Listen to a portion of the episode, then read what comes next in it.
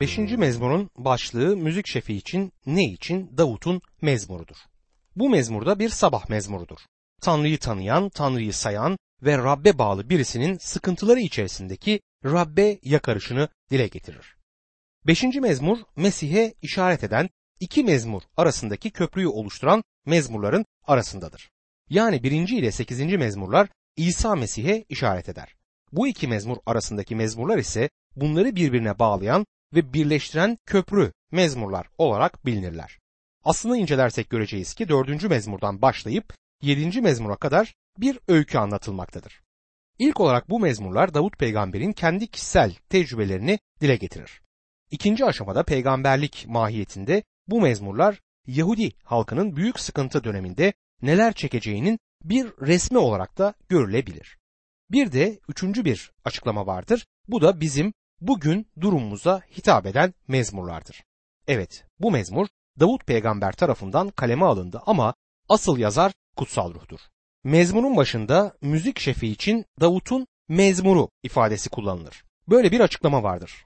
Ya da şöyle de demek mümkündür. Koro şefi için 8 telli sazlarla Davut'un mezmuru. 8 telli saz konusunda tam bir açıklık yoktur. Eski İbranice'de nefesli çalınan müzik aletlerine nehilo, telli müzik aletlerine ise negino adı verilirdi. İsrail'in en iyi mezmur yazarlarından biri olan Davut, mezmurlarını müzikle eşlik edilsin diye yazdı. Büyük bir olasılıkla müzik aletlerinin eşliğinde bir koro bu mezmuru okurdu. Bu sabah mezmuruna Davut şöyle başlar. 5. mezmur 1 ila 3. ayetler arasında. Sözlerime kulak ver ya Rab.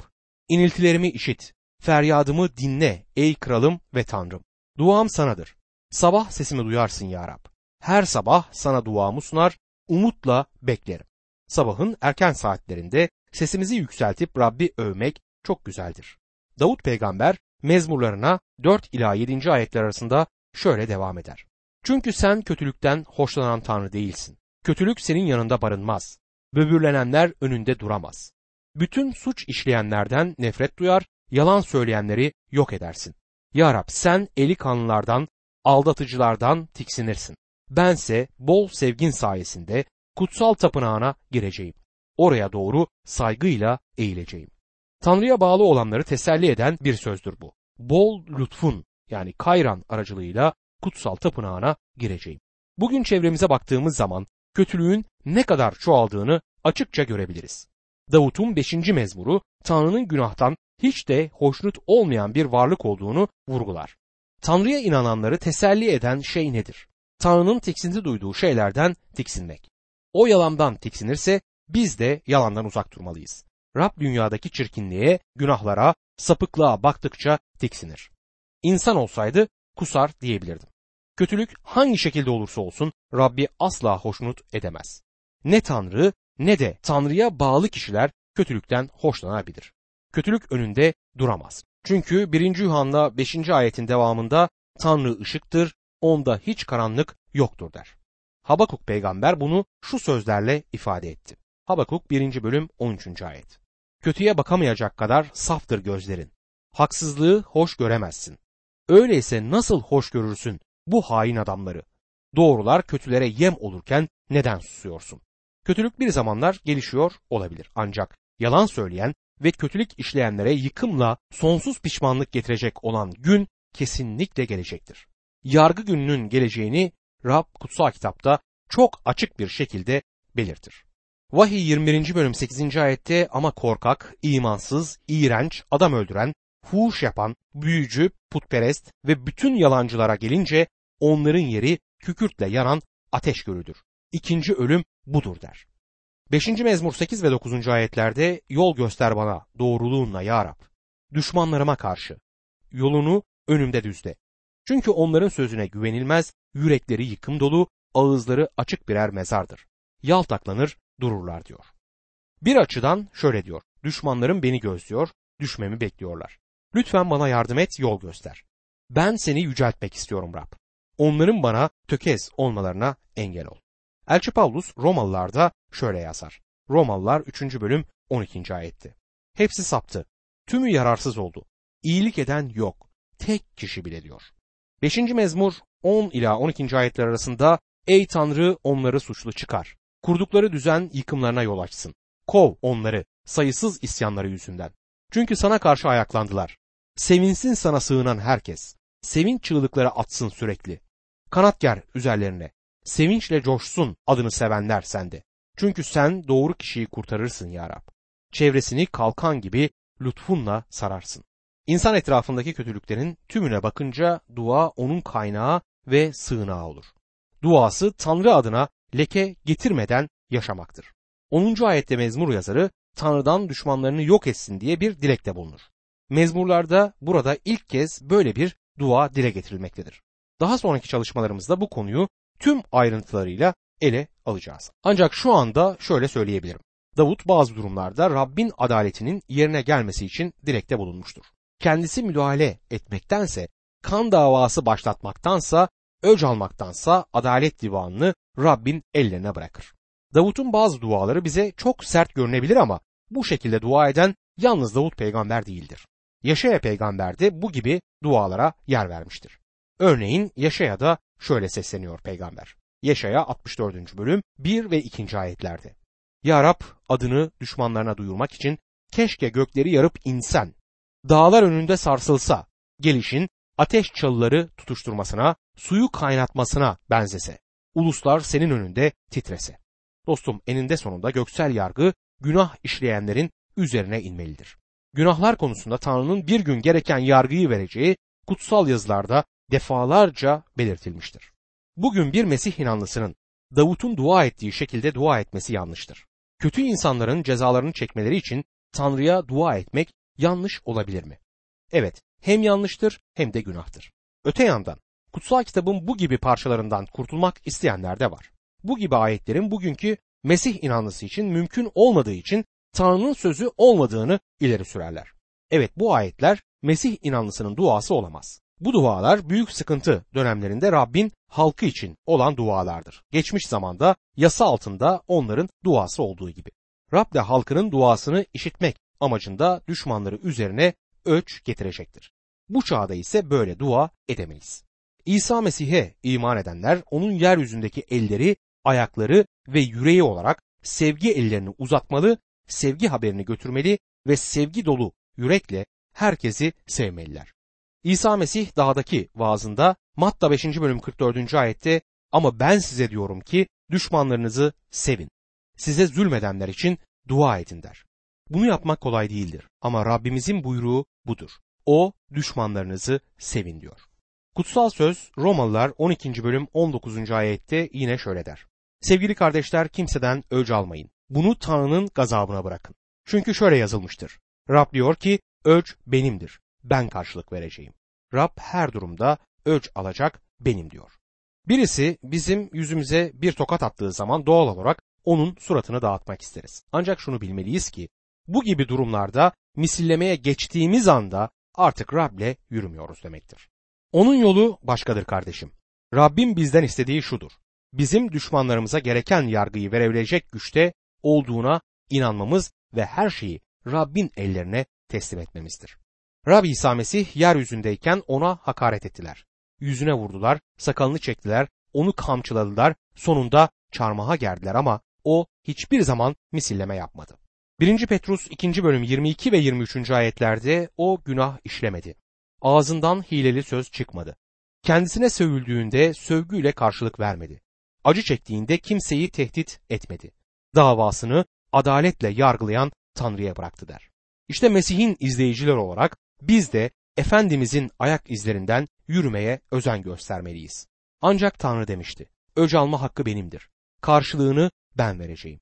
Bir gün Tanrı bunun karşılığını verecektir. Altıncı mezmurun konusu merhamet için gözyaşı dökmektir.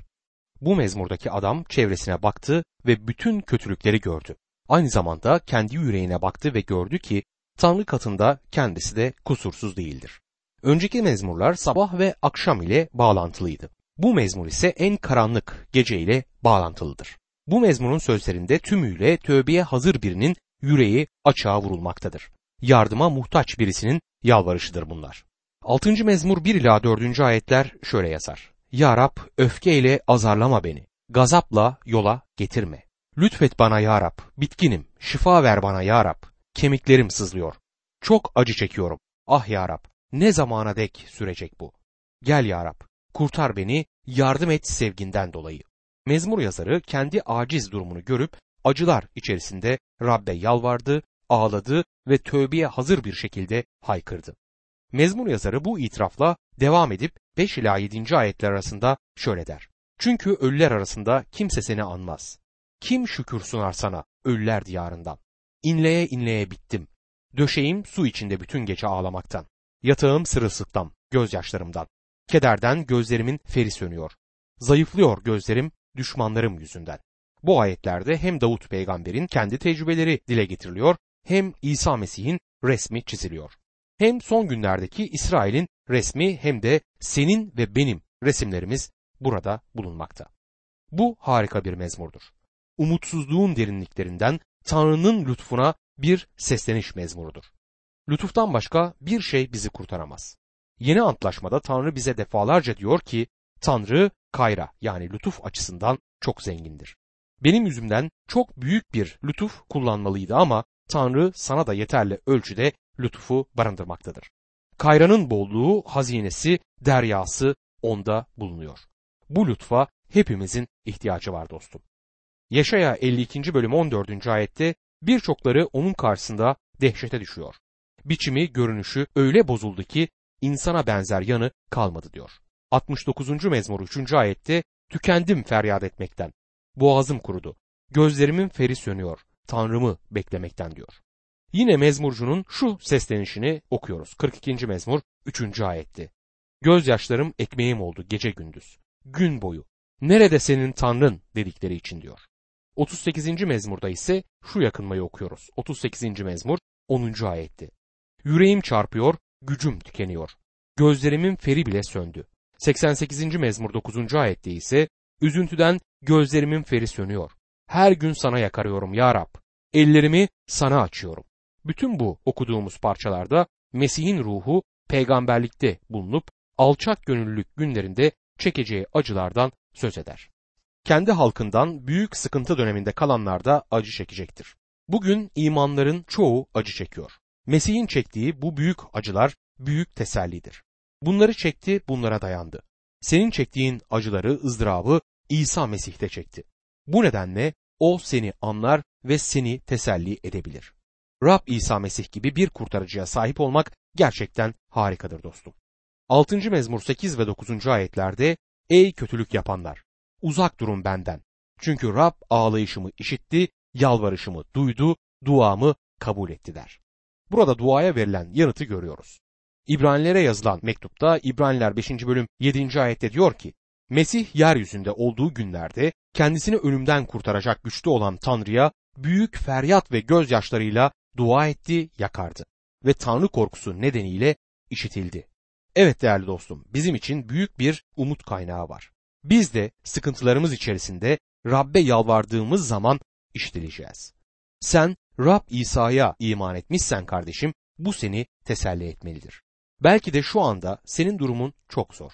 Durum böyle ise bu mezmur senin içindir. Yedinci mezmurdaki temel konu ölç için ağlamaktır. Birisi bu mezmura başlık olarak şöyle bir söz önerdi. Tüm dünyanın yargıcı hak olanı yapmayacak mı? Mezmur Rabbe bir haykırıştır. Ancak normal şarkılarda, türkülerde rastladığımız insani haykırışlar değildir bunlar. Bu mezmurda Davut peygamber bir kez daha yüksek sesle Tanrı'ya seslenir. Keşke onun bu mezmurunun müzik eşliğinde okunuşunu duyabilseydim. Bu mezmur peygamberlik olarak İsrail'in Tanrı'dan korkan arta kalanının büyük sıkıntı döneminde onlara karşı gerçekleşen saldırılarla elemlerini açıklar. Bu konu gelecek olan 8. mezmura kadar devam eder. Davut kendisinden emin şekilde hemen Rabbin lütfuna ve gücüne sığınır. 7. mezmur 1 ve 2. ayetler sana sığınıyorum ya Rab Tanrım. Peşime düşenlerden kurtar beni. Özgür kıl. Yoksa aslan gibi parçalayacaklar beni. Kurtaracak biri yok diye lime lime edecekler etimi diyor. Bu aslan kimdir? Petrus 1. mektubunda bakın ne yazıyor. 1. Petrus 5. bölüm 8. ayetti. Ayık ve uyanık olun. Düşmanınız iblis kükreyen aslan gibi yutacak birini arayarak dolaşıyor. Evet ruhsal bir savaşın ortasındayız ve şeytan Mesih'in bedeni olan inanlar topluluğuna saldırmaktadır. Böyle bir ortamda ayık ve uyanık durmamız gerekir. Mezmur yazarı bu ruhsal savaşın ne kadar yoğun olduğunu kendi hayatında tecrübe ettiği için önce kendi hayatına bakar. Kendi düşüncelerini ve eylemlerini Rabbin ışığının altına getirir. 7. mezmur 3 ila 5. ayetler arasında Ya Rab Tanrım eğer şunu yaptıysam, birine haksızlık ettiysem, dostuma ihanet ettiysem, düşmanımı nedensiz soyduysam, ardıma düşsün düşman, yakalasın beni, canımı yerde çiğnesin, ayak altına alsın onurumu diyor. Değerli dinleyicim, dünyada neden haksızlıklar olduğunu, masum insanların neden işkence çektiklerini ben ne anlayabilirim ne de bunu başkalarına anlatabilirim. Ben bu gibi şeyleri anlayamıyorum ama bunları tüm ayrıntısıyla anlayan birini tanıyorum. Bir gün onunla yüz yüze geleceğiz ve o zaman bunları bize açıklayacaktır. Hem kendi hayatımda hem de başkalarının yaşamlarında bazı şeyler var ki ben asla bunları anlayamam.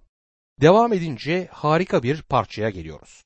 Bu mezmurda 6. mezmurda gördüğümüz gecenin karanlığı değil sabahın kızıllığıdır. 7. mezmur 6. ayette öfkeyle kalk ya Rab, düşmanlarımın gazabına karşı çık, benim için uyan, buyur adalet olsun diyor. Davut peygamber burada düşmanlarına karşı gerekeni yapması için Rab Tanrı'ya seslenir. 7. mezmur 11. ayette ise Tanrı adil bir yargıçtır. Öyle bir Tanrı ki her gün öfke saçar diyor. Şimdi içinde yaşadığımız bu ilginç dönemde yeni ahlak ölçüleriyle karşılaşmaktayız. Aslında bunlar yeni ahlak ölçüleri değil de eskinin ahlaki ölçüleridir. Rab Tanrı'nın ölçüleri bunlar değildir. Bu nedenle Davut'la birlikte şöyle ilahiyi okuyabiliriz. 7. mezmur 17. ayet. Şükredeyim doğruluğu için Rabbe, yüce Rabbin adını ilahilerle öveyim. Dostum, Rab Tanrı günah karşısında gereken cezayı kesin olarak verecektir. Bundan hiç kuşkumuz olmasın.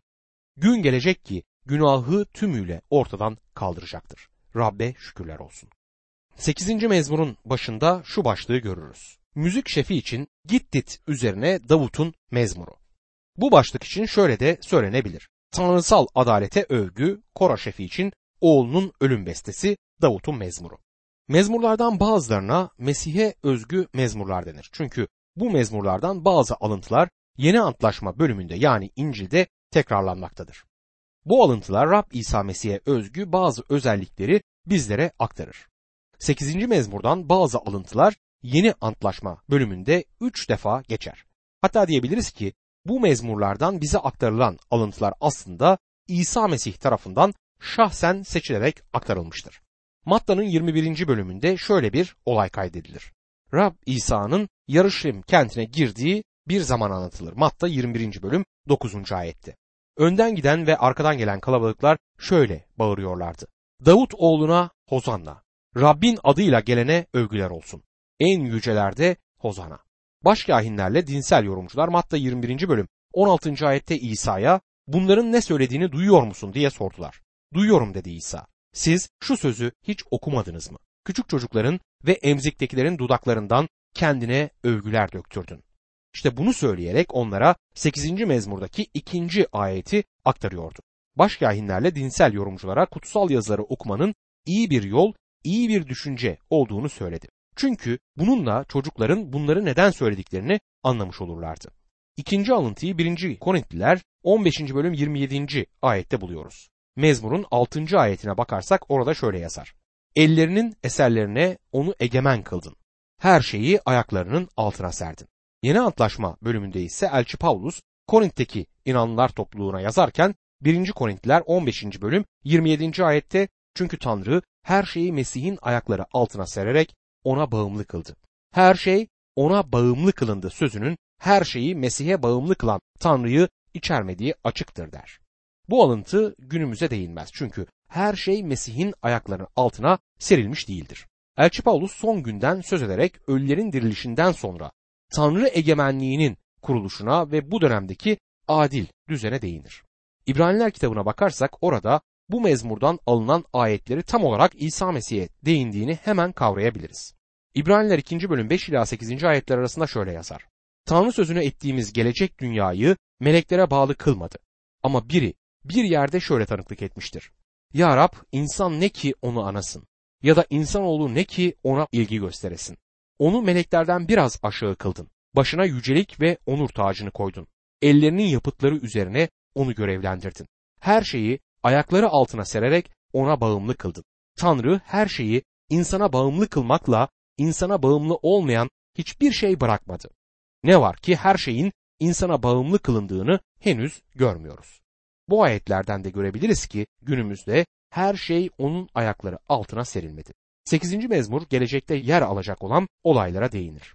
İbranilerin ikinci bölümünü biraz daha okumaya devam edersek İbraniler 2. bölüm 9. ayette şunların yazılı olduğunu görürüz. Ama meleklerden biraz aşağı kılınmış olan İsa'yı Tanrı'nın lütfuyla herkes için ölümü tatsın diye çektiği ölüm acısı sonucunda yücelik ve onur tacı giydirilmiş olarak görüyoruz. Dostum görüyoruz ki 8. mezmur açıkça Rab İsa Mesih hakkında ön bildirde bulunmaktadır. Mesih'e özgü mezmurlar arasında sayılan bu 8. mezmur şöyle başlar. Ey Rabbimiz Yahve! Ne yüce adın var yeryüzünün tümünde. Gökyüzünü görkeminle kapladın. Burada yanlış anlaşılmasın mezmur günümüzün dünyasına değinmez. Dünyamıza baktığımızda hemen görebiliriz ki yeryüzü ve gökyüzü Rabbin görkemiyle kaplı değildir. Aslına bakacak olursak şu anda dünyamız insanın kötülükleriyle kaplıdır. Rabbin görkemi ve yeryüzünü kapladığı zaman her an ondan söz edilecektir. Onun adı yüceltilecektir. Günümüzde buna tanık olmayız. Rabbin adı günümüzde genelde boş yere kullanılmaktadır. Tanrı'nın adının boş yere kullanıldığına defalarca tanık oldum. Belki diyeceksiniz ki canım kılı kırk yarmanın ne anlamı var? Tanrı Tanrı denildiğinde bu sadece bir ifadedir. Kalkıp da bunu Tanrı'nın adını boş yere kullanmakla eşit koşabilir miyiz? Dostum Tanrı adı ancak övülmeye değer bir addır. Onun adını kendi zevkimize göre kullanamayız. Onun adını kendi çıkarlarımız için kullanamayız. 8. mezmurun ilk ayetine baktığımızda orada bir peygamberlik sözü görmekteyiz. Bu mezmurda Mesih hakkında bilgi veren mezmurların arasındadır. Mesih'in insanlığını ve insanlığı içinde kazandığı yengiyi dile getirir. İkinci mezmurda insanın Rab Tanrı'yı reddettiğini okuduk. İnsan Tanrı'ya karşı baş kaldırdı ve isyan etti. Sekizinci mezmurda ise insanın yeryüzü üzerine egemen olma girişimine tanık oluyoruz. Bu egemenlik ancak İsa Mesih sayesinde tam olarak gerçekleşecektir. Mezmur bize bu gerçeği bildirir. Bu noktada belirtmeliyim ki mezmur tanrısal adaletin övgüsüdür. Koro şefi için yazılmıştır ve ilginç şekilde oğlunun ölüm bestesi olarak kaydedildi. Bu mezmur için kullanılan müzik aletine gittit denir. Bazı yorumculara göre Gittit adı Gat adından türemiştir. Davut Kral Saul'dan kaçarken bir süre Gat denilen yerde kalmıştı. Büyük bir olasılıkla Davut peygamber bu müzik aletini orada öğrenmiş ve daha sonra İsrail'e bunu getirmişti. Gittit aynı zamanda şarap yapılırken üzümün ezilişini dile getirir. Davut Kral Saul'den kaçarken çok acı çekti. Bu buna işaret eder. Bu 8. mezmurun özel bir yeri vardır. Çünkü bu mezmurda Rab İsa'nın senin ve benim için çektiği acılar, elemler dile getirilmiştir. Mesih İsa herkes için ezildi, elem çekti ve öldü. Yaşaya 63. bölüm 3. ayette bir peygamberlik görürüz. Şöyle yazar. Çukurda üzümü tek başıma çiğnedim. Yanımda halklardan kimse yoktu. Öfkeyle çiğnedim onları. Gazapla ayaklarımın altına aldım. Kanları giysilerime sıçradı, bütün elbisemi kirletti.